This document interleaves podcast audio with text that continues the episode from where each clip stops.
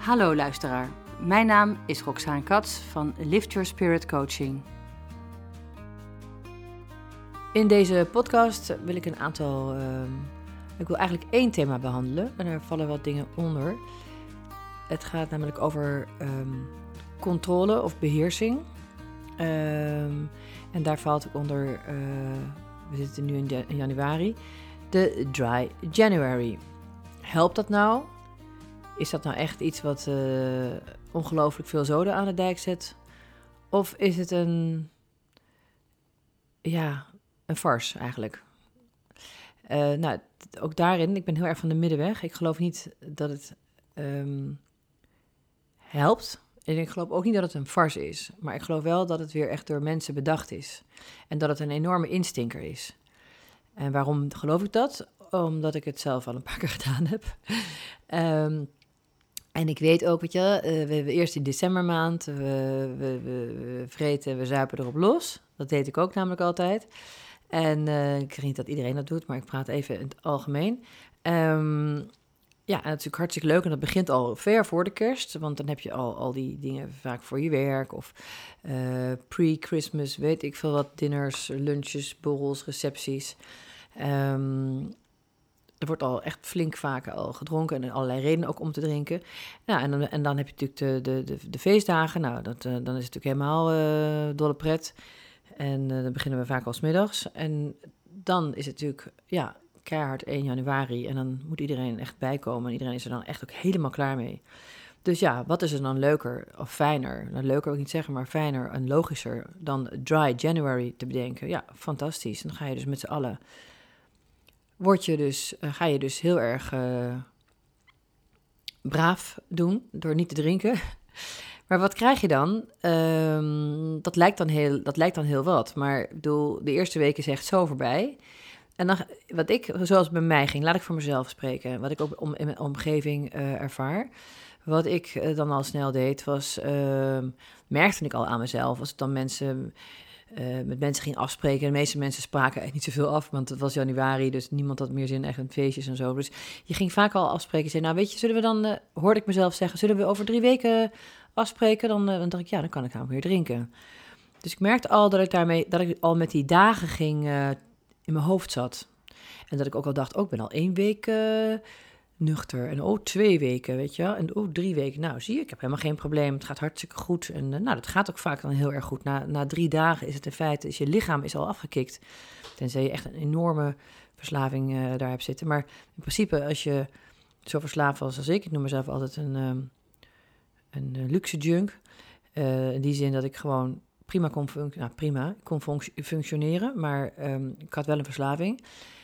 Dan, als je drie dagen het middel stopt, is het een soort van, is de craving uit je lichaam, ja, hoe moet ik het zeggen? Is je, fysiek kan je dat dan eh, prima handelen. En dan, maar wat er dan, de, de psychologische craving is er dan nog steeds.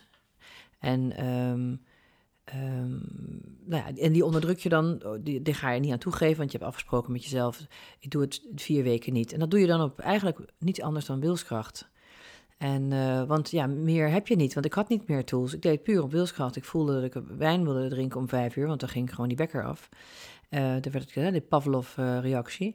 maar dan dacht, ik, nee, ik doe het niet, want ik heb vier weken afgesproken. Punt, klaar uit. En dan nam ik iets anders. En, nou, en, dat, en dat, eh, dat ging wel, op moment na twee, drie weken was dat wel steeds makkelijker natuurlijk. Ehm, maar ja, ik wist ook dat die worst weer voor mijn neus hing eh, eh, 1, februari, 1, januari, nee, 1 februari, ja, dat het dan weer mocht. Dus, ehm, dus ik regelde al mijn afspraakjes voor na 1 februari. En dat vond ik me ook enorm geweldig sterk, dat ik gewoon een maand niet gedronken had. En wist ik ook zeker dat ik geen probleem had. En dan begon ik 1 februari, nou, heel voorzichtig weer met een, gla eh, met een glas wijn. Bij mij mag je nooit glaasje zeggen. Tenminste, ik probeer dat echt te voorkomen, want het zijn allemaal woorden waardoor het allemaal lijkt alsof het heel onschuldig is. Glaasje, wijntje, biertje. Maar ehm, oké, dus dan begon ik weer met een glas of twee glazen wijn en dat ging dan een paar dagen goed. En dan was ik ook weer heel trots op mezelf, maar binnen no time zat ik weer gewoon op in mijn oude verhaal. Eh, en mezelf ook nog wijs te maken dat het eh, wel meeviel, want ik was toch de hele maand januari nuchter geweest. Dus voor je lichaam is dat ook eigenlijk weer heel slecht, want dan ben je, je lichaam is net gewend aan het niet drinken en dan in februari is het er weer wel. En een enkeling die echt zegt, nou, dit is me zo goed bevallen, ik, ik hou dat gewoon zo, weet je. Dat gebeurt natuurlijk ook, maar die zijn echt in de minderheid. Want ik heb ze eigenlijk nog niet ontmoet, de mensen die echt drinken, die dus om die reden ook dry January doen. Want dat zijn alleen maar de mensen die veel drinken, want anders is het namelijk niet eens nodig. Die, die pakken het bijna allemaal weer op in, uh, in februari. Dus ik ben sowieso niet van de controle. Ik ben, ik ben eigenlijk niet van het tellen van dagen of... Um, uh, want daar gaat je hoofd altijd mee aan de haal. En uh, dan ga ik nu iets heel paradoxaals vertellen. Dat is wel grappig eigenlijk. Um, ik heb een cliënt en die was dus ook gestopt een maand. En die voelde zich fantastisch en was ontzettend blij. En uh, nou ja, die ging echt, uh, die vond het echt heerlijk om niet meer, ja, die, echt die knop omgedraaid. Maar na een maand was die knop weer, mocht die weer terug. Dus daar raakte ze helemaal van in de war. En uh, meteen ook weer begonnen ze toch weer snel alweer te veel te drinken. En uh, baalde enorm toen ze daarna weer een keer op een sessie, uh, voor een sessie bij me kwam. En toen zei ze ook van nou, waarom, um, want we zijn samen een boek aan het lezen, The 30 Days Sobriety. En dat is een echt een echt Amerikaans boek. Daar ga ik nog een keer uitgebreid over vertellen. Niet nu. Maar daarin staat eigenlijk ook van als je dit boek leest, probeer dan um, in ieder geval um, een, een, maand nuchter te zijn. Maar beter is als je twee maanden bent. En nog beter is als je drie maanden bent. Want dan is het echt gewoon, ben je er nog veel losser van. Dus ik dacht, weet je, het voordeel is van drie maanden. Want dat, dan ga je dus niet meer tellen. Want dat zijn gewoon 90 dagen. Dus dan ga je niet meer denken van, uh, hallo, zullen we afspreken over 90 dagen? Dat is natuurlijk, dat is natuurlijk raar. Dus, dus um, ik zei, nou weet je wat, dan stoppen we gewoon nu, 1 november. En dan, um, dan tot, tot 1 februari. En dan pakken we al die feestdagen mee. En, en misschien willen we dan niet eens meer. Of in ieder geval, ja, dan, dan hebben we het. En, en we doen het werk, hè. Dat is het, en dat is het dus het grote verschil. We stoppen niet alleen, uh, maar we stoppen zonder te tellen eigenlijk. Terwijl we toch drie maanden doen, maar we tellen dus niet. Omdat het gewoon te groot is. En we doen het werk. We zijn er elke dag mee bezig met alle uh, focus uh, die ik mensen leer, maar ook met de oefeningen en met de bewustwording en met wat doe je met een craving en hoe voel je het en waar voel je het en hoe en echt waardoor je heel veel zelfkennis krijgt over je lichaam, over je patronen, over, over eigenlijk alles. Want het gaat al heel snel niet meer over alcohol uh, in mijn sessies, omdat alcohol is het probleem niet. De drugs zijn het probleem niet. Jij bent het probleem. Ik was het probleem. En de manier waarop ik met de dingen omging. En um, ja, en dat is eigenlijk een hele andere benadering dan alcohol de schuld geven. En je mag nooit meer drinken. Bij mij, mensen, mensen mogen bij mij helemaal hun eigen pad kiezen. En ze mogen zelf kiezen.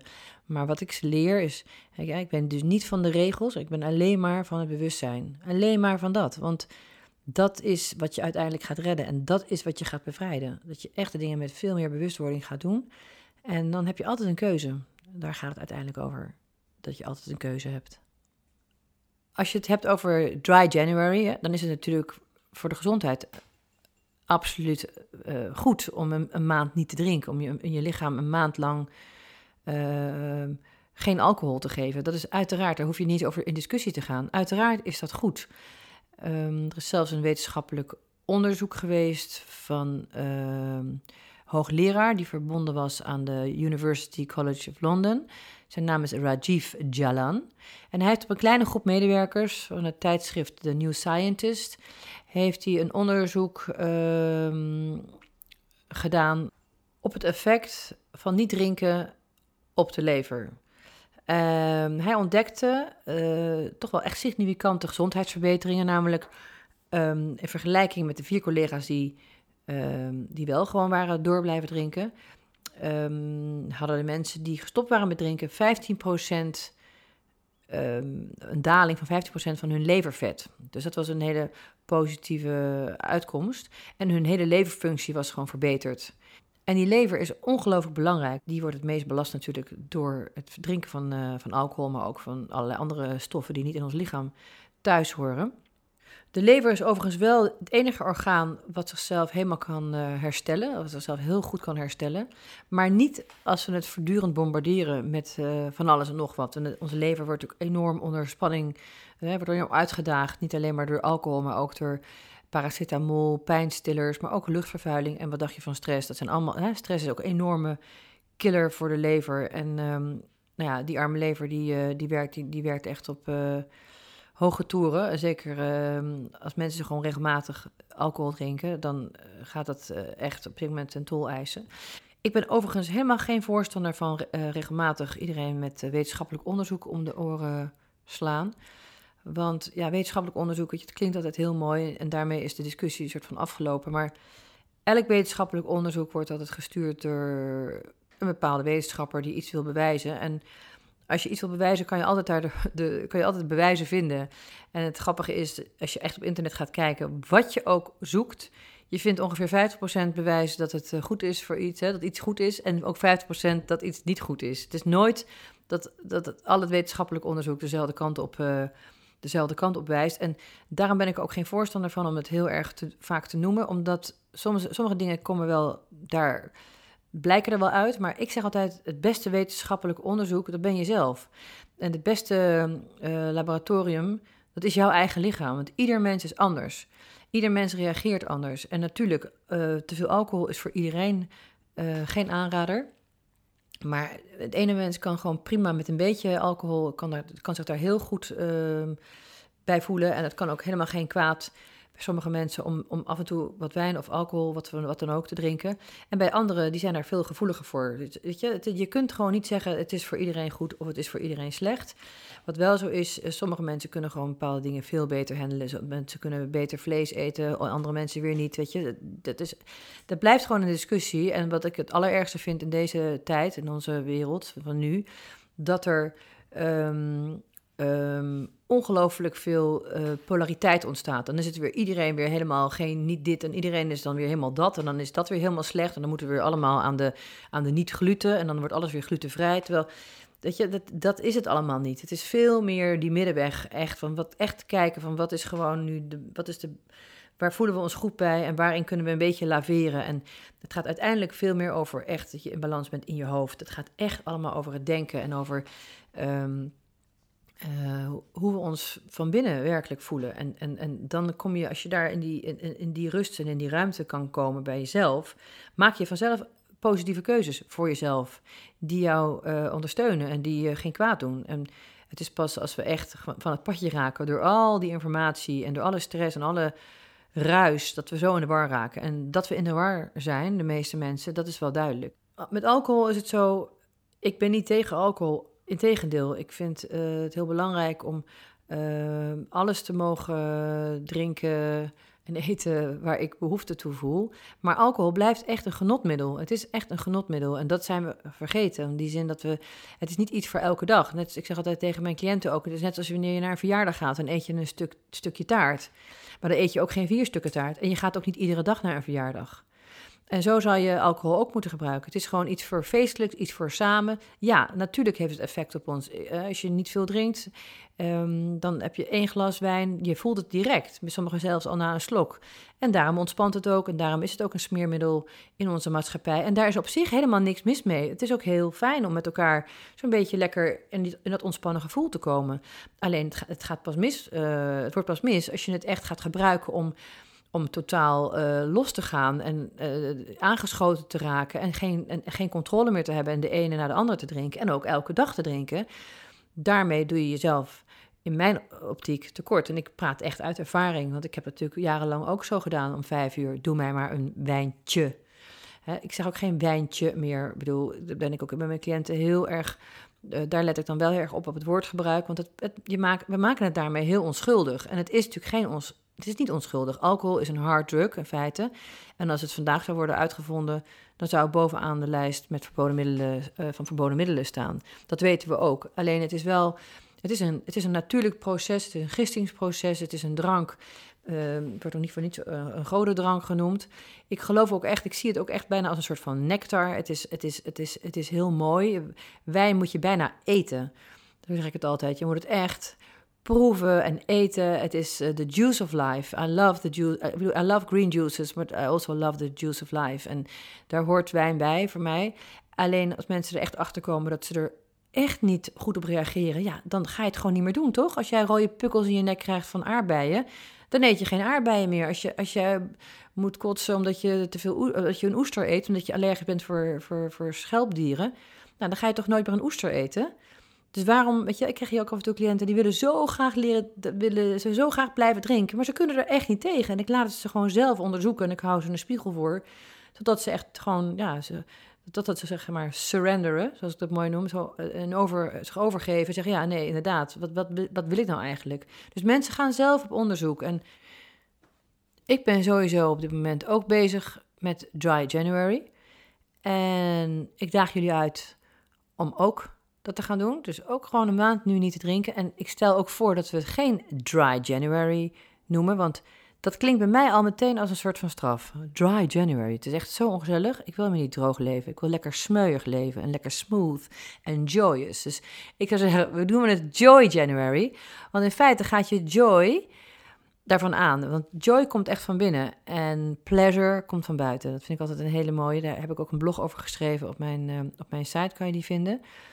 www.roxanekats.nl um, en, volgende, in de volgende podcast ga ik het hebben over uh, hoe je die dry January nou het makkelijkste door kan komen. En als je cravings, oftewel trek ervaart, wat je dan kan doen en dat soort zaken.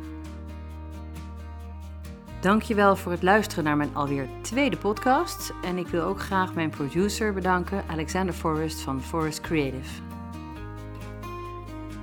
En mocht je naar aanleiding van deze podcast nou denken van... ik zou wel wat extra hulp of ondersteuning kunnen gebruiken...